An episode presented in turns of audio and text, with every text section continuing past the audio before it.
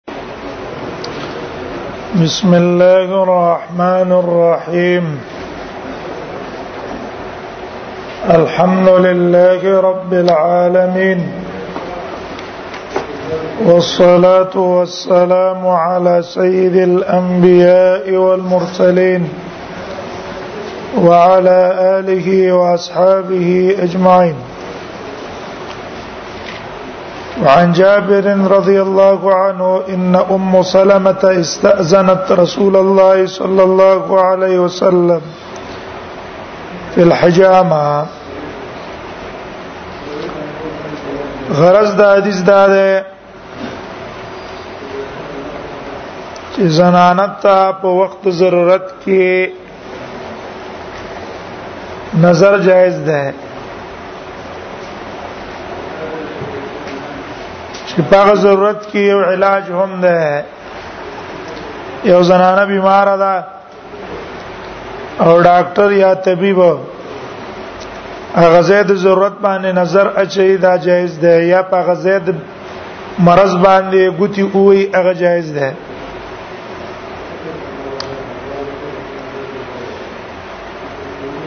نو ضرورت ته مستثنا ده په ضرورت کې صورت په استشهاد هم ده خزه په یو مسله غوا کې نو هغه ته وګوره د پاره چې بیا رستو تا ته پته ولګيږي چې آیا دا او ما خزه دا او قبل ده یا صورت بیا کې ته ته شی اخلي یا شی په خرڅه صرف دا هغه نظر شکل ته وګوره چې دا کومه یو ده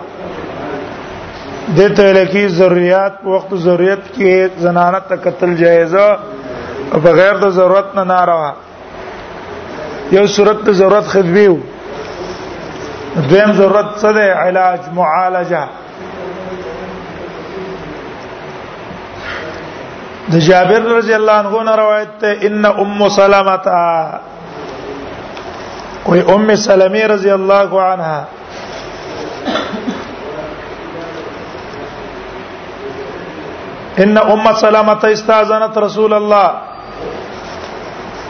وې دې د نبی صلی الله علیه وسلم نه اجازه وغوښتله فی الحجامت پخکر لګولو کې حجامت خکر لګولې دا یو علاج مخکې بکېدو دی وګو په منځ کې یا کم ځای به چې درد د هغه په خوا کې به خکرې به کې قصتو به راخ کلو هغه ځای به لګراو پړسې دو بیا به نره نره پس هغه باندې اواله و پتری به به دوباره راخ کلو داغه نه به ان روت الا دا حجامت سنت ته ارستو با طب کی تراش نبی صلی الله علیه وسلم وایي چې معراج تلاړم په کوم جماعت د ملائکه چور تیر شوی ما مگر ټول ما ته دا حکم کړی دی چې خپل امت ته د امر وکا فخر لګول هو خبر لګول او امر وکا اوس حجامت کې چې په وګ باندې لګی نو کاغذې خو پر باندې کنه اخر لګون کې په ګوتیم دي او هغه به نظر ما چي فامر ابا طيبه نبی صلی الله علیه وسلم حکم کو ابو طيبه ته ايحجمها چې راغي خکر ولګي هغه تیل ور شکر ولګا قال حسبت انه كان اخاها دا قول ولکه د پاره د فتوهم و همدا پیدا کیږي چې ابو طیبه د ام سلمې رضی الله عنها له چخر لگاو چې په کوم ځای او تخکر لگاو نو خو پاغه نظرم لګیدو پاغه باندې ګوتم لګیدې نو څنګه پردې سړې په دغه ځای باندې ګوتې ولګای دیوې حسبت انه کان قام رضا زما دا ګمان دی چې د رضاعیر ورو او رضاعیر ور سره خلوت هم جایز ده او رضاعیر ور د پاره خورتا قتل او هغه الله سور کوله مولا جایز دي خدا ګمان دراوی دی حسب تو یا راوی دا جابر د شوی سیدا دا چې دا بنا د اصل کې په څه باندې بنا له په دې خبره چې دا حجامت تم یو علاج دی علاج علاج یو ضرورت ده او د ضرورت په وخت کې سړی د پاره ډاکټر لا یا طبيب لا هغه زید مرست قتل لا جایز دی او زید مرست به ګوري نور د هغه سره ازادي کول هغه لا جایز نه دی هغه ناروا ده صرف هغه زید بیماری ته وګوره ابو طیبم ام سلمې له علاج کو دیو جنا نبی صلی الله علیه وسلم ته اجازه ورکړه ہے دغه دا مسله راوته خزله بهتر دا ده چې علاج د خزینه وکي او که خزینه پویدلې نو بیا علاج د سړی نه کولای شي په دې کې سمانات نشته شرعاً تشدد به سړی دې کې نه کوي چې نه خزه سره ډاکټر لانه بوزم زکه سړی دی دا ډېر تشددات د وجې نه استبکور کې ورانه راضي کنه خبره طلاق ته ورسیږي څه ته ورسیږي طلاق ته یو ځړې به زه تشددات شروع کی دې تشددات د وجې نه ایسته مسله طلاق ته ورسیږي نه شریعت چې تخفیف کم ځای کې ویل ته تخفیف کوا او چې کم ځای کې تشدد ویل ال ته تشدد کوا جزه تشدد دا د خوارجو کار ده او دینه څه پیدا کیږي نقصانات پیدا کیږي فز بیمار ده ډاکټر په علاج نه پويږي صحیح له بوزا بسړی تبا ور بشي په پرده کې هغه تبا خپل خبره بو کی او به کی هغه به تدوی ولي کی ولور به کی استعمال به کی زه زخمی دی ډاکټر لدی ورشي به ولو غندي پټه به په ولا گئی چوکی پټه به په ولا ولا گئی دا جائز ده دا مسله ته معلومه شوه وعن جرير بن عبد الله قال سألت رسول الله صلى الله عليه وسلم او غلام لم يحتلم او غلام لم يحتلم یا دا الک بلوغ ته نو رسیدل ہے ماشومو ذکر رسول الله صلی الله علیه وسلم ته علاج لو کها خدا دوانا آزار قوی نه دي دغه رضاعت هم نه ثابت او ماشوموال هم نه ثابت بلکې دا بنا ده په صورت ضرورت او د علاج جرير بن عبد الله روایت ده قال دا وی سالت عن رسول الله عن رسول الله صلى الله عليه وسلم وسالت رسول الله صلى الله عليه وسلم ما د نبی صلی الله علیه وسلم ته پوسو کو ان نظر الفجاء دا چاپی نظر په باره کې نظر الفجا چیرې یو سړی په یو زنانه باندې ناشنا ناچاپی نظر ولګي آیا په دې مجرم دی کنه فامرني ان اصرف بصري نبی صلی الله علیه وسلم ما ته ویل چې وګرځوا چې زه وګرځوم بصری خپل نظر وجادي ته وي ته چې وګوره په دې کې نه څه په خزر کار شو استاد کو لګي درا یا تا بل شي ته قتل او نه څه په نظر دې خزه ولګي خزه باندې نظر ولګي ته دې ته لګي نظر الفجاءه متبسکه چې ولګي دو بس سترګې پټه کبل طرف ته مخ واړه یو ته ګورم چې را دا څنګه ده نظر الفجاءه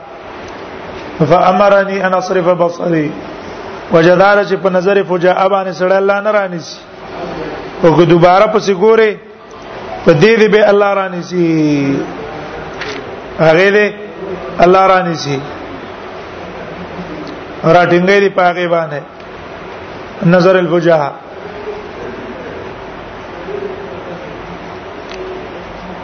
وعن جابر قال قال رسول الله صلى الله عليه وسلم جابر رضی الله عنه روایت ده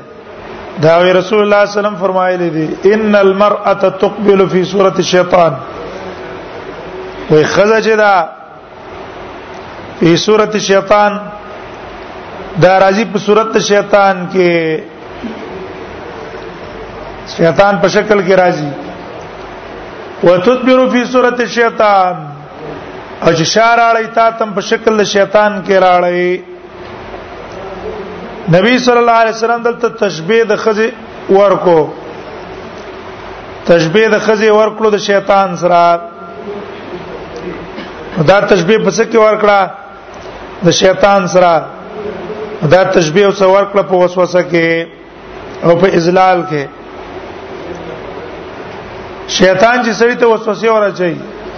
او سړی گمراه کوي دقه سي دا خزه چې کما دا د دې رؤیت هر جهت نه سړی څخه خرابوي هک شاتن او ته ګوري کده مخ نه او ته ګوري دې تشو طرف نو ته ګوره هر طرف چې ګوره دا سبب ته د پاره د اذلال او د فتنه دیو جن تشبیه دا غي سره ورکړه او هر جهت نه داعی للفساد ده فساد ته دعوت ورغی فاذا اوس نبی صلی الله علیه وسلم علاج کوي علاج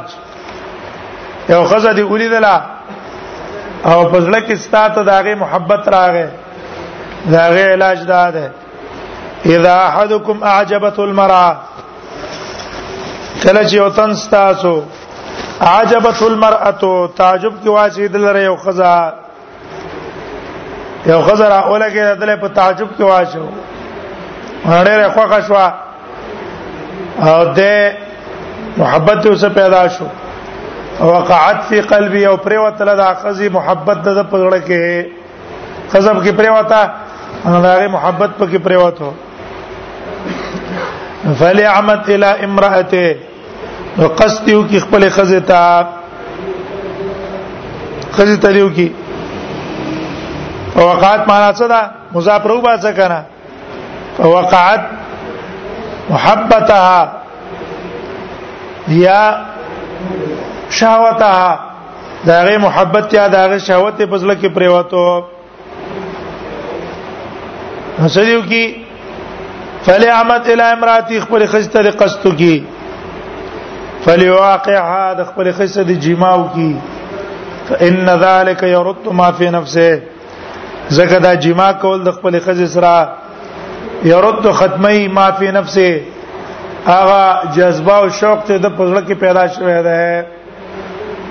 ولې خزه صحبت کو دې صحبت د وجنه بچ شي استغه محبت ته خزه د پردې خزه بس تا د زړه نه اوځي امام نووي وايي وې دې وسته دا مسله معلومه شو چې خزل دا پکار دی د حدیث نه دا معلوم شو چې ينبغي لها لا تخرج الا لضروره خزل په کار داد چې د کور نه سره اوزینا مگر عند الضروره ضرورت په وخت کې دی اوزی به ضرورت دی نه اوزی او لا تلبس ثيابا فاخره وجد جامیم دینا چي خې جامې واچي خې جامې لنه دي چول پکار اوس مثلا زنانه جمعه ترازی یا مدرسې ترازی او ډول کړه خې جامع چوری دا نه دی ول په کار بار ته چوزي ډولی جامع بنا چه خزه به ډولی جامع نه چي شابن فاخره او بیا دی وينبغي للرجل الا ينظر اليها سړی له پکار ده چې خزي تسره ګوري نه ولا الی ثيابها هغه جامو تم دینه ګوري بیا بیا معلوم دا شو چې انه لا باس للرجل ان يطلب امراته الى الوقاع سړی لرا دا جایز دي چې خپل خځه ته دعوت ورکړي جماعت اگر کده ورځي ولې نه وین کانت مشتغلتن اگر که مشغوله په یو کار هم دعوت ته ور کولای شي علاج پکې بیان شو د عشق د حدیث نه معلوم شو بیان د عشق پردو خو سره تعلق ساتي دا غي په ځخ خپل خځې سره مینه وساته د پردې خځې تعلق په ختم شي دا نه پردې خځې څوک تعلقات ساتي کنه هغه اکثر په کور کې د خپل خځې سره او شینو تعلق یک جوړ نه وي ځکه پردو خو طرف ته اعلان کوي او چې سړی د خپل خځې سره تعلق یې کنه هغه بیا پردو خو طرف ته سره اعلان کوي نه فلی واقع دا رسول الله صلی الله علیه وسلم علاج وکړو فلی واقع دا غي سره د جماو کی فإن ذلك يرد ما في نفسه دغه دا واپس کی هغه شی چې د پنځل کې ده رواه مسلم الفصل الثاني عن جابر قال قال رسول الله صلى الله عليه وسلم جابر رضی الله عنه روایت ته رسول الله صلی الله علیه وسلم فرمایي اذا خطب احدكم المرأه کله چې اراده وکي د خطبه یو تن تاسو د خزه خطبه خطبه وکړه معنی اراده وکړه د خطبه چې دا زکوما فإن استطاع کله د طاقت و ينظر الى ما يدعو چې د وګوري هغه شي ته چې دعوت ورکړي دتا اعلان کا هدا غي نکاتا وسی دای چې دا غي ډول خایس ویني د بدن پوسواله دا ویني مار هغه اسباب مرغبه چې په نکاح کې داغي اغي لیدل وسی په خپل ودی کې فلیفعل ودی کې د حدیث تم معلوم شو جواز النظر المخطوبه مخطوبه ته نظر جائز ده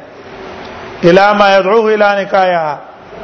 هر هغه شی ته چې دعوت ورکړي راغی نکاح ته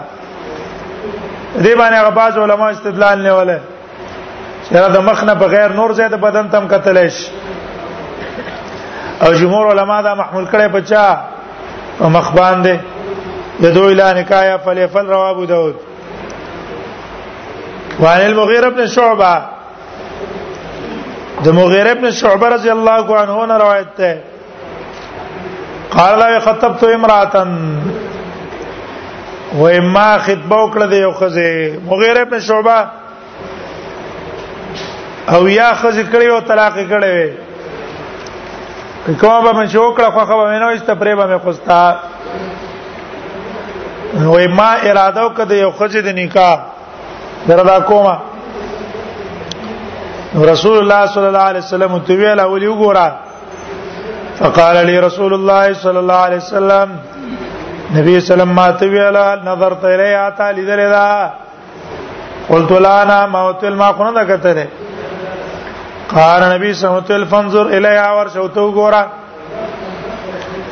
ورشوي ګورا فانه وجه ذکر کوي دا حکمت ته د نظر ال المخطوبه نظر ال المخطوبه شریعت پر جائز کړي فانه احرا دا دا ډیر لایق ده ايو دم بینکما چې جوړواله براول استاسو په منځ کې اے جنې تاولی دلا او په خپل مرزي دې وکړه سبا چې دراواده کو نفرت پدې تی نه ځکه تالی دللا او چې دې دې نه لا پاواله کړي او ځین کې ستا تاویږي یو شان او څنګه دې نظر په ولګي یا غیبل شان صحیح غبل شاني خامخا نقصان ته پریوزی کړه دیو جن مخ کې وګوره نو دې روایت کې بل روایت دې کې دې اوس بل روایت کې وې زوار علما نو هغه انصاری پلار ته مور ته مولوی اله چې زر رسول الله صلی الله علیه وسلم را لګل مجلس تاسو دا لور وینم هغه انداز څنګه کېدای شي وای جنې ویل ان کان رسول الله که رسول الله تر علی ګلې رښتیا زما د قتل لپاره وګوره ځکه د رسول الله په حکم نه مخړول نشتا او که نیر علی ګلې ځان نه وې ګوره باندې دا ناروا ده رسول الله علی ګلې ما هغه تمیو قتل استمیو کړه دا به ما سره ډیر وخت په نکاح کې وا رواه احمد والترمذي والنسائي وابن ماجه والتارمي د ټولو دا روایت نقل کړی دی وان ابن مسعود دا عبد الله ابن مسعود نه روایت ته قال دا وی را رسول الله صلی الله علیه وسلم امرا ولید نبی صلی الله علیه وسلم یو خزا فاعجبته نو تعجب کی واچو نبی صلی الله علیه وسلم لره دی خزه دا نظر فجاءه ده ناشنا ناڅاپي نظر په نبی صلی الله علیه وسلم لګیدل دی پاغه ناڅاپي په دې باندې ناڅاپي نظر ولګیدو فاتا سودا راغ نبی سم سودې ته وهي تصنع طيبا او دې سودي جوړو خوشبوئی لرا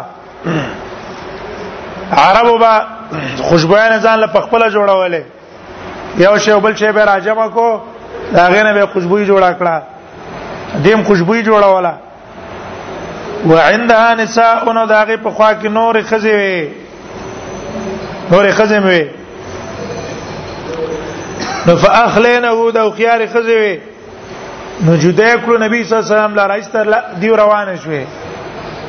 رسول الله اوس کور تراغه څه خبره وای نو استلاړې نو نبی صلی الله علیه وسلم ځان لکو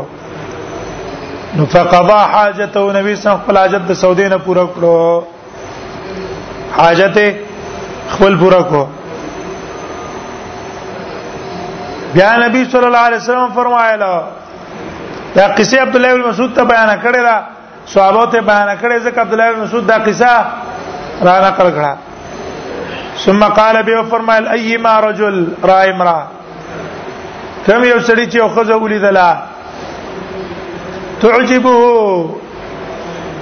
چې تعجب کې اچي دلرا باندې خو ځه ګوري دلا دا هغه خایسه او ډول په ځړه کې پرې وته فلیقم الالی دا د لاړ شیخ خپل اهل تا فانما زګه دا هغه سره مثل الذی ما شان تداغه ده چې دا هغه سره ده منا هغه خځه سره چې کم نه ده دې سره ما غده وماغه خوان له لذت وماغه ده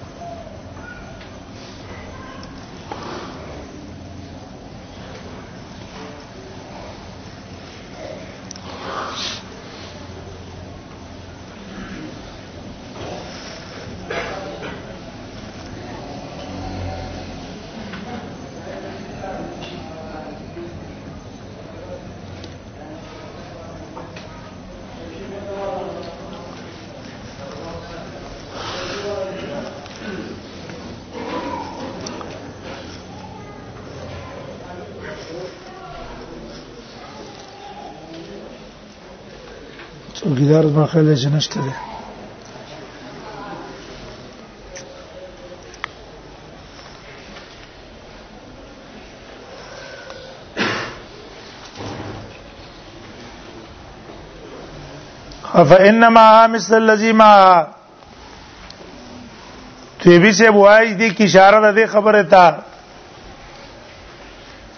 رسول الله صلی الله علیه وسلم وای چې دې دا کوم خزه چې ته په تعجب او ډول کې چوله نو داغي او د دې منځ کې فرق نشته خو صرف دونه ده دونه چې هغه معنی دا ده د دې نظر غایه او غرض څه ده د شهوت پوره کول دي او فرق دا ده چې د خپل خزنه شهوت پوره کو په دې کې اجر او ثواب ده او که د پردې خزنه دي پوره کو نو دا سبب ته د پاره د عذاب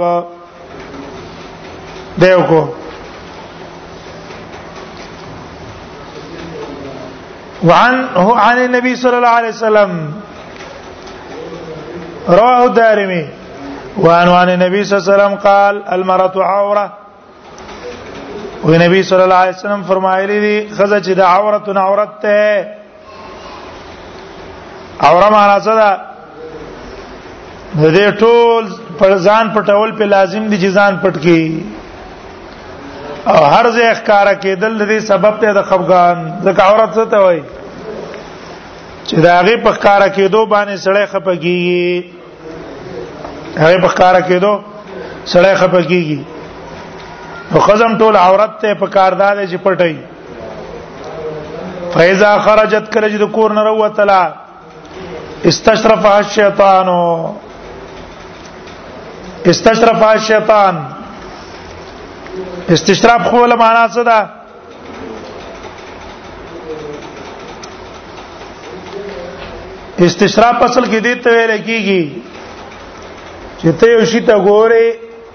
او د دې سترګو په سر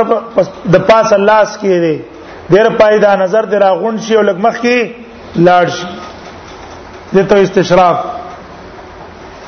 استشرف الشیطان یو معنا ده زینها فی نظر الرجال خیسته کې دا په نظر د سړو کې خلکو ته خسته کی اس بدونه ډولای نه او خلکو ته په نظر کې څه چي خکاره به کیږي چې دا ډېر ډولای دا هړې راخسته دا شیطان بدا کار کی ایو قصه مشهوره ده یو سړی خزه کړه وړه را سخته بدرنګ وا دونه بدرنګ وا چې سړی ته ټک چاو درې ریانو چې په دې څو غما بل ورځ ځان چې تروانو ځان پسې دا خزه کړي وا چې تلاله لاروي او تندې بس دې ته ګوري ته خزه ته څه کوي د لباس او دغه ته ګوري نه دې ډېر عجیب کار دی څوک دنه نه وخړو او څوک د بار نه وخړو اوس دې دنه چې کوم دې پردې نه دنه زما زړه وخوړو او دې اوس په دې ظاهر باندې څه شوی دی دې اوس په دې ظاهر په پردې باندې اوس دوکه راځي چې دا خود کمال والا ده استشرف شیطان دا معنا ده چې شیطان ظاهر کې څه کی خلکو ته خسته کی نور غب کې نه هغه بس ډولې کی زینها هغه خسته کی د خلکو په نظر کې دیو معنا دا دا استشرف الشیطان دا شیطان ته د چیو ګوري خزه چې کله وروته شیطان په دې خزه باندې نظر واچي ولې په نظر اچي یغویها ولی یغوی بها د دې لپاره چې دا خزم گمراه کی او د خزم په وجبان نور خلک هم څه کی گمراه کی گمراه شیطان ته په دې باندې ګوري سجرف شیطان دې معنا شو شیطان دا غيو کی دام گمراه کوي او د دې پوجا باندې نورم گمراه کوي سجرف شیطانو غرض د حدیث دا شو چې خزل به ضرورت د کور نه نه دی راوتل پکار بلکې په کور کې کېناستلو له بهتر دي چې په کور کې کېنی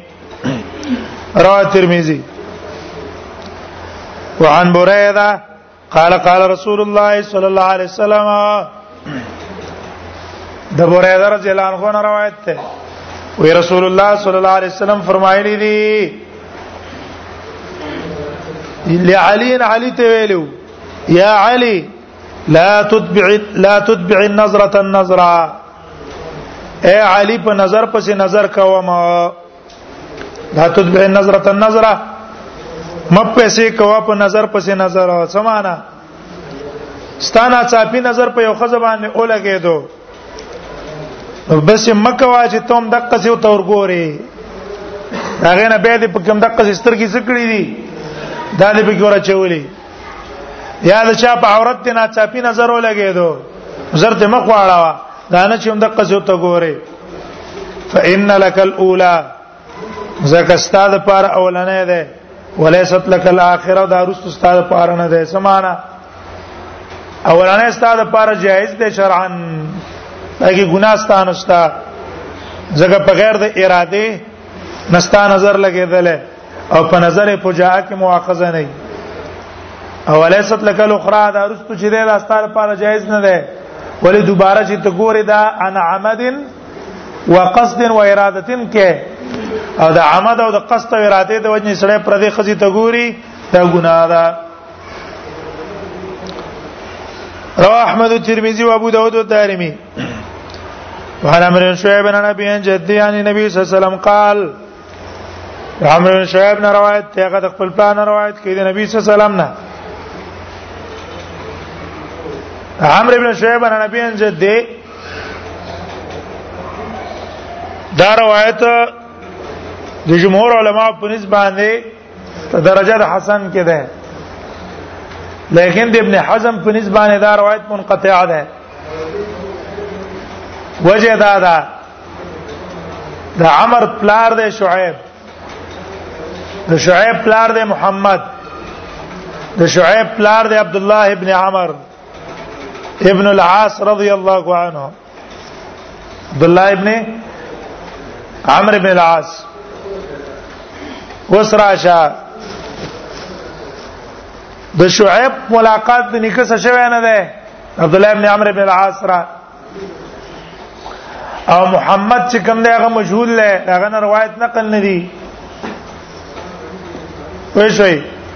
او دلته حدیث کې څه وایي عن عمرو بن شعيب عمرو بن شعيب روایت کې د خپل پلار نه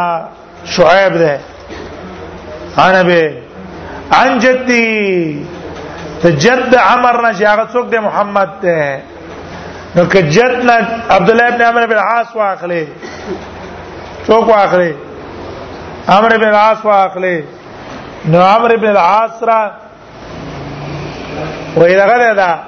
او حجت نه محمد ته محمد په منځ کې هاشمه ده هغه معلوم نه ده ان جدي څوک ده محمد محمد نه روایت نقل نه ده دیو جن دا روایت صحیح نه ده لیکن جمهور علما وايي چې نه دلته زمایرو کې فرق ده ابي کی ضمیر عمر ته راځي ده او جدي کی ضمیر راځي ده شعیب ته ضمیر چا ته راځي ده شعیب ته عمر عمر روایت کړی دی د خپل پلار نشه شعیب دی او شعیب روایت کړی دی ان جدي د خپل نکنه چې عبد الله ابن عمرو بن العاص دی وزد لقاء ثابت تا سیدار چې لقاء اوس ثابت تا د خپل نکسرا ملاو شوی دی او د خپل وی مالک نکسرا څه کړه ملاقاتونه میکړې دي وسره روایت څه شولو متصل شو یا وقص زمير راځي کا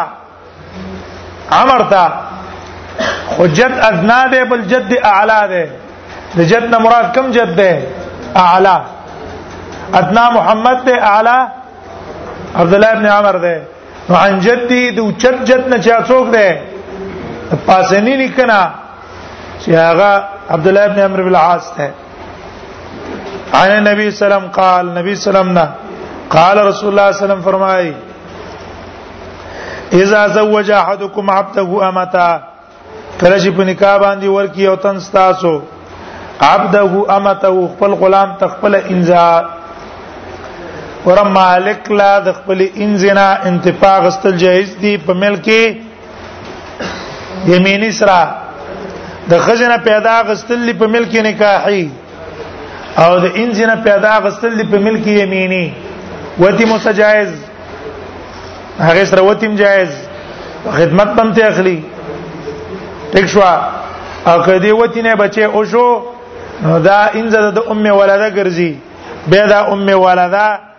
د دې خرڅول به دل جایز نه دی او اخر کې به څه کیږي اخر کې با د مرګ نه بعد ازاديږي یو تن له ان زیاده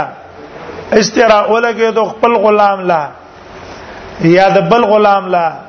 یا بل حر لا په نکاح باندې ورکړه پنیکه ورکړه نو پنیکه ورکورنا بعد دل صرف د خزینه خدمت غستل جایز دي کار بوله کوي کور کار بوله کوي صفائی بوله کوي او د دې انځ مخته لاسونه ته قتل له جایز دي نور د دې بدن ته قتل لا جایز نه دی او نه دا غنه پیدا غستل جایز دی ولا اوس پیدا پردې شو صرف د خدمت توجه نه چې ضرورت ته نو په مخ نظر لګي پلاسونی نظر لګي هغه ولا جایز نور ناروا کله چې بل په نکاح ور کړه ځکه وسه په دې باندې ملکی بوزعید بل لاغه کنه غلا جائز نه دي حدیث مقصد دا شو اذا زوج احدكم عبده امته کله چې په نکاح باندې ورکی او تن ستاسو غلام ته امته وینځ خپل عبده خپل غلام ته امته خپل انځ فلا ينظرن الى عورتها دا بنه ګوري دا غي عورت تا عورت ته بیان ګوري بل روایت کې دی فلا ينظرن الى ما دون السر فوق الركبه نامن لاندې زنګون نبر دي چې تکتر نه راوا الته باندې ګوري او نور بدن باندې نظر ولا څه ده نظر ولا جائز ده خیره کې نظر په ولګي خیره وفوق الركبه فلا ينظرن الى ما دون السره وفوق الركبه سرین لاندې رکبه نه بارا بیا د امی عورت کم یو ده نو د احناف مذهب خدا ده چې د امی عورت شا او خېټه عورت ده شا او خېټه او نامه نواله تر زنګونه پوره نور جنې کې کار شو خیره دویم مذهب ده دار الزواهر ابن حزم هغه وی والامه کالحره اما په شان ته د حره ده اما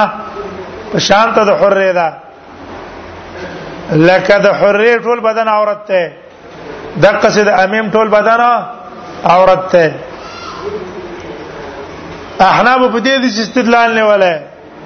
هغه ویل چې دا مولا ته دی مولا ته په دې کې حکم چاته دی مولا ته دی دا حکم د مولا دی او د مولانا په غیر نور ټولو ته حکم یو شان دی پکې فرق څه دی نه وفوق ركب رواه ابو داود وان جرحت ان نبی صلی الله علیه وسلم قال جرحت نه روایت ته رسول الله صلی الله علیه وسلم فرمایلی دی اما علمت ان الفخذ عوره نبی سم په دبانې ورتیر شو جرحت ابن خویلد کان من اصحاب الصفه د سپې په طالبانو کې نبی سلام په د باندې ورتیر شو وتوی فرمایل اما علمت ان الفخذ عوره تا ته ګنې دا پته نشته لري چې دا فخذ په څه کې داخل لې دا په عورت کې داخل لې را ترمذی ابو داود ظاهر د حدیث الحمدلله ظاهر د حدیث ته معلوم شو چې دا فخذ په عورت کې ده دا بل حدیث موږ ګوره بیا په حکم بیان کو وان علی ان رسول الله صلی الله علیه وسلم قال له یا علی وې نبی صلی الله علیه وسلم ما ته ویل یا علی لا تفرس فخذک مخ کار کو خپل رونه ولا تنظر الى فخذ حي ولا ميت او تمغورا الى فخذ حي ولا ميت ورند ژوند تا ولا ميت نه د مړی تا مړی او که ژوندې د یو ورن ته باندې ګوره زکه دا عورت ته